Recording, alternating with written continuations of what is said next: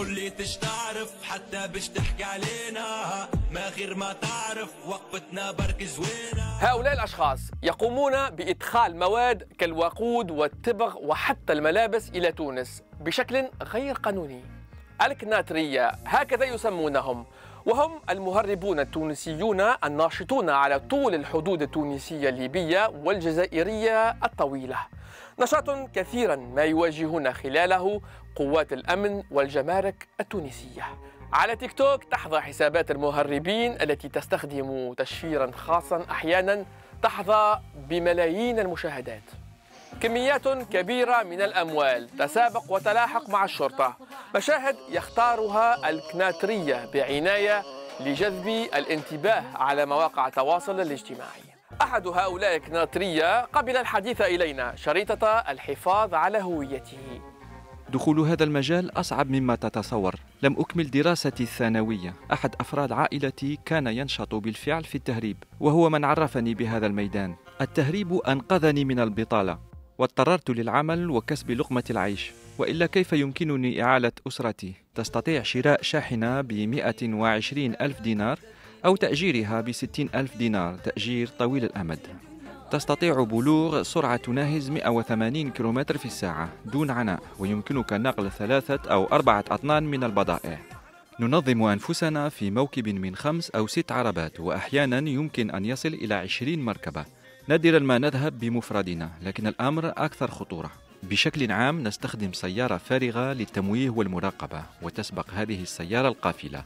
ذلك بغرض رصد نقاط تفتيش الشرطة والجمارك. إذا صادف دورية في طريقه فإن السائق يخطرنا عبر الهاتف أو رسالة نصية. وفي هذه الحالة نقوم بتغيير مسارنا. لإرباك الشرطة نقوم بخدش اللوحة المنجمية لجعلها غير مقروءة أو نلصق عليها كرتونا. في بعض الأحيان تضحي السيارة بنفسها فترتكب مثلا مخالفة كالسرعة الفائقة لجذب انتباه الشرطة. هذا يسمح لقافلة السيارات الأخرى بالمرور. نسب البطالة العالية لدى الشباب والنقص الحاد في المحروقات وانخفاض أسعار الوقود في ليبيا والجزائر المجاورتين.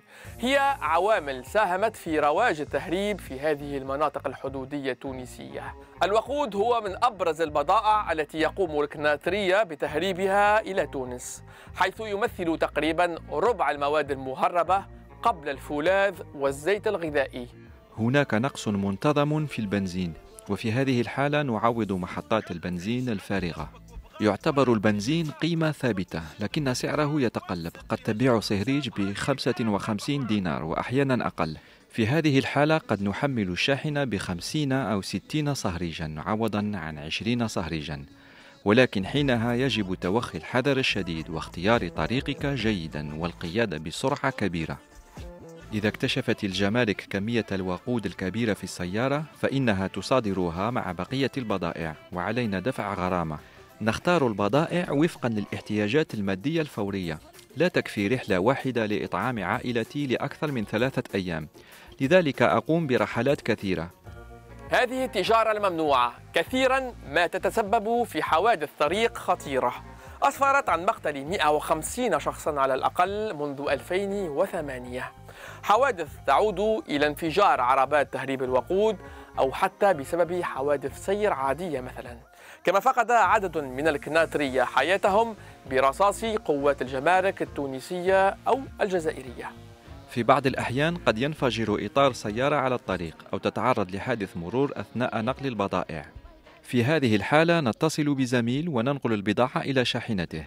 إذا أتت الشرطة قبل وصول المساعدة فمن الأفضل إضرام النار في السيارة بأكملها بحيث لا يمكن تقدير كمية البضائع وترك المكان سريعا Hi, I'm deaf. Things that people say to me since I'm dead. I mean, deaf. هذا الهاشتاج اسمه Deaf Tok ويجمع لفظي deaf أي أصم بالإنجليزية و Tok من تيك توك. الأشخاص الذين يشكون من الصمم يستخدمون هذا الهاشتاج في فيديوهات على تطبيق تيك توك. تهدف هذه الفيديوهات لتثقيف الآخرين فيما يتعلق بالحياة اليومية للصمي. وهي أيضا محاولة لنشر بعض الجمل والعبارات الأساسية من لغة الصم لتسهيل التعامل مع الأشخاص الذين يعانون من هذه الإعاقة تحدثنا إلى والدة شاب أصم تنشر فيديوهات على تيك توك تعرف بإعاقة ابنها My name is Beth. I am the hearing mother of a deaf child named Cooper. Um, he is three. He has cochlear implants. We also use sign language. Cooper is deaf. Yes, you are. I think it just became inspiring for me, not only to be able to share our story, but to connect with other parents who were maybe in a similar position, who wanted to um, know kind of what to expect as their journey unfolded.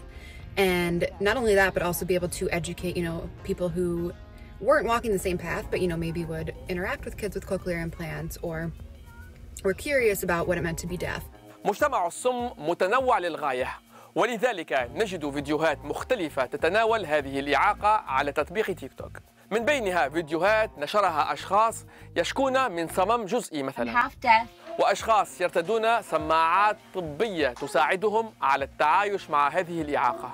أو أولئك الذين قاموا بزراعة قوقعة أذن اصطناعية.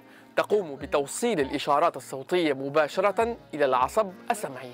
One of my favorite videos that we've put out so far was actually one I didn't really think much of when I posted. So it was him when he was younger. And he would need what I call hearing breaks, where he would just get really overstimulated and need a break from his implant. There you go. That was probably one of our most viral videos. Um, and so that's really where it started. And it's just kind of grown from there. And people, you know, they really do like to learn. And that just means the world to me as a mom. بهذا نكون قد وصلنا مشاهدينا إلى ختام هذه الحلقة من برنامج مراقبون موعدنا الأسبوع القادم. إلى اللقاء.